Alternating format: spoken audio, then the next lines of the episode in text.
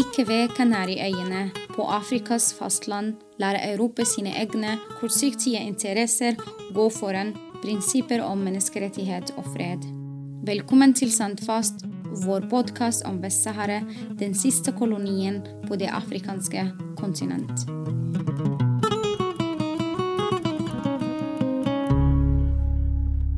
Sandfast er en podkast om Vest-Sahara og om de internasjonale relasjoner som konflikten illustrerer. Fornybar energi er et tema som kommer til å være sentralt i saharawienes kamp for selvbestemmelse. Marokko, som okkuperer store delen av Vest-Sahara, får skritt internasjonalt for sin innsats for bærekraftig energi. Men det kommer med en bakside.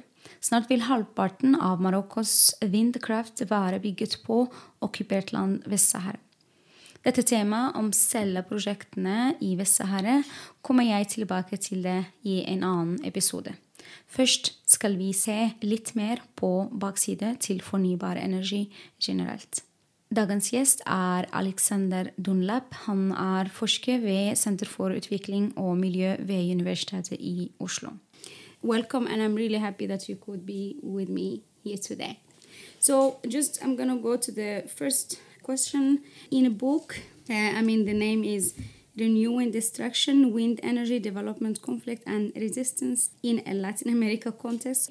You argue that there is no such a thing as renewable energy at all. Yeah.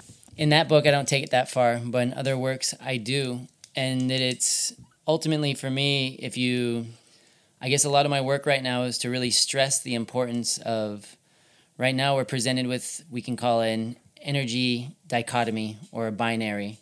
Then on one side we have dirty, evil fossil fuels, blah. On the other side we have green, pristine, renewable energy that's clean energy, environmentally friendly, and things like this. And for me, the big issue is that this dichotomy does not exist. There is no either or, and that the only reason why this can happen is if you don't look at the supply chains and the supply webs, or however you want to say it, or value chains as well on the financial side, of actually what goes in to make those giant mechanical robots spinning and generating and capturing kinetic or wind energy to kind of absorb them into power different industrial infrastructures like electricity, or in the case of the Western Sahara, phosphate mines or concrete plants. We have to ask where do these technologies come from? And really, in the end, no matter how you look at it, you're going to need fossil fuels to build the factories that make the machines that can do the mining. You need different kind of uh, oil, gas, diesel to power these machines to to not only build them but to also do the mining. Right now, there's a trend to digitalize them and make them electric, which doesn't change anything I'm saying in terms of the extensive kind of supply webs and processes. But then you have to mine it. You have to leach the materials and separate from the different ores and create lots of different waste to have certain metals and you have to smelt it in these enormous industrial facilities and then you have to manufacture them and then you have to transport them and then you have to operate them. And at every single step of the way is an, an enormous reliance on hydrocarbons and different types of fossil fuels. And for some reason this is missed in the environmental debate. But then this is all new to me but then can we say that you are are you skeptical of the term renewable energy in itself Oh yeah, without a doubt, I, I see this as a, a public relations campaign. I mean, the origin of it is actually rather interesting. If you look at a lot of historians, is that the term like energy transition specifically and around and around the same time, kind of renewable energy, it comes out of the 1973 oil crisis. A lot of historians are actually saying that this idea of energy transition was a way to actually de-emphasize the oil crisis that was taking place in the 1973 and that this idea of kind of energy transition and renewable energy came about. And it's not to say that these aren't kind of important concepts or aspirations. I I'm a big I'm a big supporter of these concepts and aspirations, but at the same time, that's not what's going on in any way, shape, or form. There is a radical and continued use of energy consumption, and it's not only hydrocarbons, nuclear, and all these things like this. Even though they're decommissioning a lot of nuclear plants in other countries, but France, they're still planning to build new kind of new grade nuclear power plants. Again, no, there's nothing renewable about it. And one of the big assumptions about its renewability is that the sun and the wind are are infinite, that they'll keep coming. And the thing is, is there's something called velocity deficit. And I guess what's important before we get into velocity deficit is to stress the scale and the number of wind turbines that you need to actually power the current infrastructures and the current energy use and lifestyles that people, especially in in the so-called Western world or the or the global North, but also every industrial center in the global South as well, the amount of energy that's used is going to require so many dams, so many wind turbines, so many solar projects. And so there's a general issue of consumption. But the thing is, is that when you place a lot of wind turbines in a concentrated area, so like where I've worked in the Isthmus of Tehuantepec region of Oaxaca, Mexico, they already have 2,000 wind turbines there. And so, and besides the way that they're impacting birds and things like this, is that what really eliminates the renewability and maybe even challenges the term fossil fuel plus because the plus is supposed to indicate kind of a positive aspect. It's really just actually grabbing more kinetic or wind energy resources. And the velocity deficit means that when you put enough wind turbines in an area, it actually has climactic and weather changing effects in terms of that the so when you have the wind blowing and the wind turbines capture it you have a speed and a movement and a flow that is being captured and dispersed so if there's enough wind turbines in an area, it's actually making it so there's there's heat rises behind the wind turbines up to 25 kilometers. So it's actually completely changing the local climates in these areas in terms of the wind and the cycles of that were kind of natural are now being interrupted by a lot of different wind turbines. And in addition to this, I mean, you're saying that the wind mills or energy that changing the climates, but what kind of costs are associated with such industry? I mean, you already touched upon some of that. With the birds? Yeah. Uh, so I guess in general, the way you should think about wind energy development or any mega project development is that there's going to be a raw material extraction and processing and smelting phase. Then there's going to be the land contracting. How is land secured? You know, contracted or grabbed illegally in many cases. And then what are the social and ecological, no, the social, economic, and ecological impacts. And then there's what's the energy being used for? To what ends is this being done? And then the fifth is actually decommissioning them because they only live between 25 and 35 years. And if you retrofit some of the parts, you can get them up to 40 years. But eventually, the, the metals are going to weaken and they're going to have to be decommissioned. And a lot of people aren't thinking 30 or 40 years ahead. But getting more to the point of the kind of the social, economic, and ecological impacts, everything is going to depend on the geography, you know, in terms of the type of bedrock that are there, the different types of trees and habitats, the if birds fly through the area, if there's water in the ground and the different kind of hydrological systems. So really the the topology and geography of a region is really going to dictate the level of impact and kind of destruction that kind of building these things will have. And the thing is is obviously one or three of these things can be an enormous and important resource but the problem is that there's hundreds and thousands of these things being built to actually go to different industries to continue growing the economy in certain ways or certain type of chemical industries or construction or consumerism. So more Walmarts and superstores and plastic trinkets from China. But then they also use a bit of oil. And so what I've learned, and I hear it in in Mexico, and it's been you know confirmed by many other researchers as well, is that after a certain amount of time they start leaking oil out of the because you need oil to help them spin.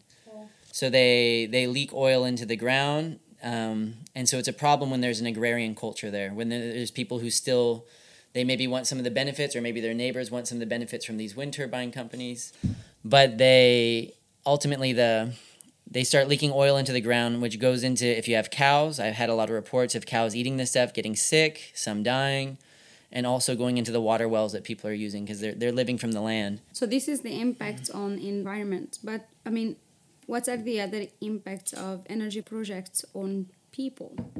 Well, I mean, the environment is the people. Yeah. E- even social. Uh, but hmm. I mean, but obviously, there I am focusing on the ecology and the environment a bit. Yeah. But when we're talking about specifically in agrarian cultures or semi-subsistent cultures, so, people living from the land and with a relationship to it, these impacts are particularly severe in terms of actually threatening their livelihoods. And that's why in the book, Renewing Destruction, the last chapter is actually taking up and trying to argue the claims where a lot of the Zapotec and Ikoot indigenous people I was working with were claiming that these were part and, and a continuation of a genocidal process in the area, that they are actually being used to disrupt the last of their social fabrics in terms of their community but also when you place the wind turbines by the sea, the different vibrations were affecting the marine populations.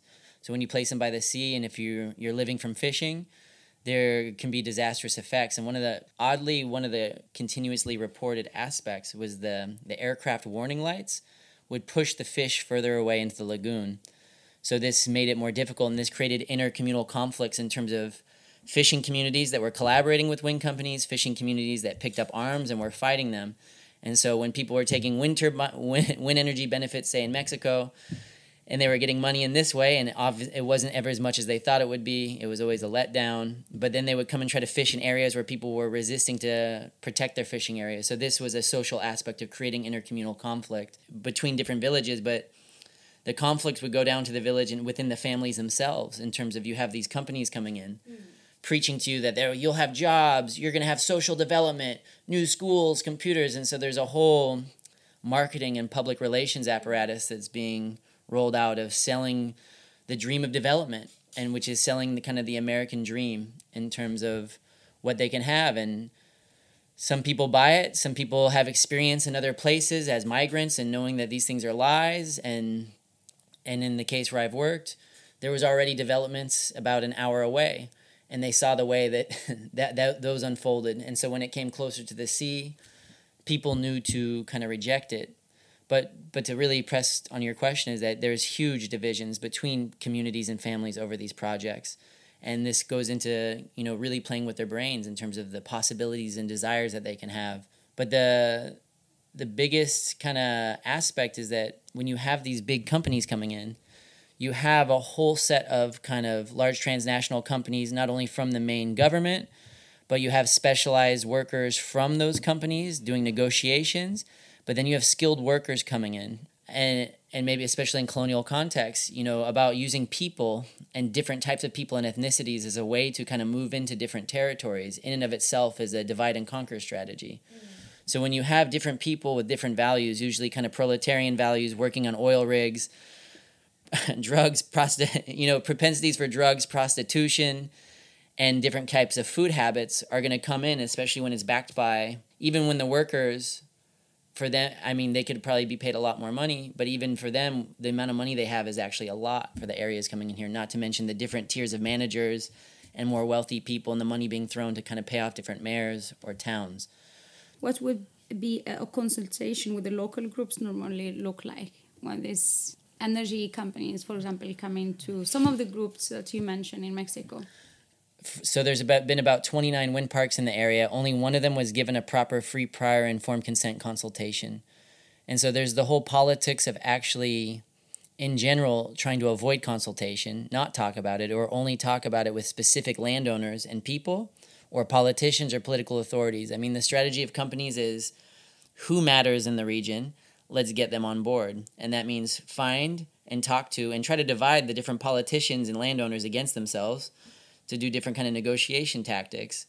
But even in the matter of free prior informed consent, there's really big problems. All of the nice kind of self determination in the ILO 169 is that all of it's voluntary, none of it's mandatory, and that often, you know, in terms of the equator principles and corporate social responsibility, in terms of how you know the Inter-American Development Bank and World Bank have taken on free prior informed consent is they they're completely they're changing the they're changing the, the language in terms of you know consultation consent is turned into consultation. So there is no real the people can organize and say no we do not want these things. This does this does not exist and is enforced in any way. So it's ultimately just about how is it politically feasible? What can they do to divide people enough and to prevent them from revolting but more importantly, people don't know the real socio ecological impacts of actually implementing any large mega project in terms of the amount of pollutions, in terms of you know the impacts of high tension power lines, in terms of the way that spillage dams or pipelines are going to break and snap systematically, which are well documented. There's entire websites that can show you every mining dam. You know what are the real impacts by living near wind turbines and a lot of high tension power lines which then mixes with kind of local diets and cultures and, and, and longer legacies of of I guess you can say oppression or structural violence in terms of you know what types of foods and availability people have that then are now being surrounded by more industrial infrastructure and construction projects. Mm.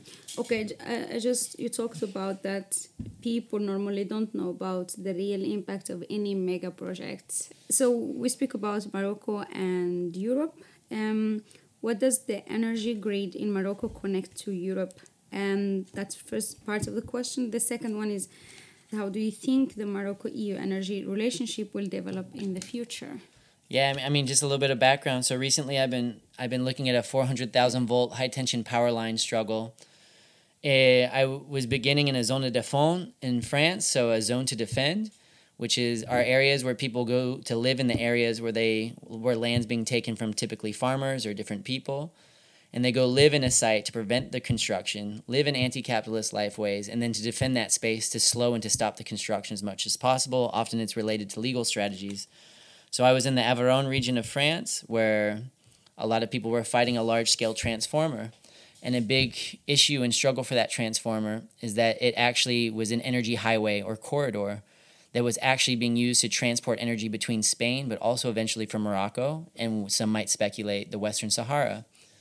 And so, what I've done for the last two and a half years is I've actually been working with, I've been working with these land defenders, but then recently, last year, what went down the 400,000 volt line and mapped and charted all of the different conflicts in terms of how people have been fighting specifically the same 400,000 volt project, but also the different wind and solar projects that are being spread all over Europe as well. Now, it's not only Morocco and the Western Sahara that's being being smothered by a lot of these projects, but really the strategy right now in the EU is to just spread wind, solar, and every other type of so-called green project or low carbon infrastructure everywhere and so there's a lot of resistance all along this line. And yeah, I have, I have the contesting energy transitions map I've created, which is by no means complete, but it, it shows a lot of the contestations against these lines. And so, more kind of interesting to this conversation, I guess the point of this conversation is to actually, there's a lot of resistance that is happening implicitly in Europe to actually stop and really challenge this energy market that's going on within Europe, but also as it connects to Morocco and the Western Sahara because this same line you can draw a map and a really good resource is the ENTSO-E map, which is the European Network of Transmission System Operators of Electricity, where it shows the whole European grid and it very explicitly has the same. It has a 400,000 volt power line. And when it's 400,000 volt, this is for energy transfer. This is for large scale movement. These are high tension power lines. So from the areas that's fighting, you can very much connect a red 400,000 volt line that goes into Morocco and then goes down into the Western Sahara rather deep into the, the Dakhla wind mm-hmm. park. So it's connected directly to the Dakhla wind park. And so, yeah, and I've talked with the transmission system operators in Spain and France. A lot of people are avoiding this, but there is energy going into Morocco from, from Spain, but there is also energy going into Spain. Uh, so from Spain into Morocco, and then Morocco into Spain. So there's constant energy trading going on. So the Western Sahara, if the viewers don't know, is being kind of flooded with different concentrated solar, solar and wind energy projects. And it, it's not just Western Sahara, it's Morocco as well. But these areas are being taken up, and it's so where's this energy going? Some of it has been charted to go to local industries. For the phosphate mine is being run on so-called renewable energy, and also a concrete production site but they're building more of these things and there's been aspirations to become a kind of a local energy holder and to start exporting these to other countries but I, the question is is how much of this energy is actually being brought into the eu how much is western sahara energy is being kinetic wind and solar energy being grabbed and being sold in the eu and this is obviously has huge consequences in the matters of the western sahara there's been a, a really big issue for a long time now that the un and other states have been trying to avoid and companies like Siemens uh, as well as Enel are really big players in in kind of turning a blind eye to this. But these companies are involved all over the world in many contentious conflicts and kind of in areas of kind of land use and acquisition to build different energy projects, whether it's in Europe or pretty much everywhere. So, what is the solution to the energy transition if we can't invest in renewables? I mean, so by all means, I I'm of course I'm of course uh, very critical of this label of renewable energy and what's being passed off for it. But in general, I want to believe in renewable energy, and I think that we should strive to create real renewable energy in general. And there's always going to be a, a certain type of cost in batteries, but there's ways that we can actually. So I'm an advocate of energy autonomy in terms of actually taking back our power literally in terms of becoming self sufficient and making sure that we, and part of becoming self sufficient is understanding how much we're consuming and knowing how much we need and actually taking back more agency against how much we have become dependent on different digital applications, electricity, and things like this, and to know what we really need and to how much of it is actually poisoning our lives and actually wrecking the quality of our life that we can have. But in general, I, I think it's really important to really you know to avoid large scale energy transfers. We, there really needs to be a challenge to the energy market and this profiteering off of a, of a basic need. And this means really the site of production of energy and consumption should be much closer. So if you're generating your own energy, say on your roof or in even community scale or micro scale wind turbines in your area, it should be used to power those areas and that there should be a conversation about how much energy is being used. So there I think there needs to be this kind of greater responsibility being brought together of like how much are we using? Cool, we can build like one or three big wind turbines or we can have solar panels everywhere or both to manage our kind of energy consumption. And and I think when it's brought to that scale and people can manage it, so using even if it is still using an industrial scale technology, rolling it back because the really big and scary concern about all this is to remember how how much mining, how much fossil fuels, which no one's really doing the accounting of how much fossil fuels are really going into every wind turbine through the entire phase and the life cycle analysis are, are not adequate enough in any way, which is another conversation. But to really to kind of have that and to build that there, which means that a lot of these industries that are kind of exporting and taking energy out of there to do different things, they, they have to be held accountable. But a lot of this is really questioning, you know, these really high energy consumption kind of models, especially in Europe and more so the United States. You know, how much energy people are consuming, how it's produced, and really our relationship to our environment and the energy we consume. And if people want to understand more of this, uh, I mentioned before there is uh, the book Renewing Destruction, Wind Energy Development, Conflicts, and Resistance in Latin America Context. Any others? Book yeah, recommend I mean, to people. I have a I have a lot of work about all these things and more coming out about this four hundred thousand volt transmission line in in France, Catalonia, Spain, and then we I at least reference or talk about Morocco, Western Sahara. I have a whole body of work. You can find it there at the Center for Development and the Environment on their website or elsewhere. But the work of Cristina Ciamanta is great in actually raising the question of renewable energy ecologies and looking at some of these pitfalls, but also ways forward. And also Myles Lennon's his work on kind of black energy democracy are excellent ways to actually to look at more positive solutions. And I think the idea is really to to find ways to create real renewable energy and to really to restore substance to these terms. Uh, we come to the end of this episode. Thank you very much, Thank Alexander. You. They know. Thank you so much for having me. I appreciate it. Hvis du vil lære mer om konflikten, gå til vest-sahara.no.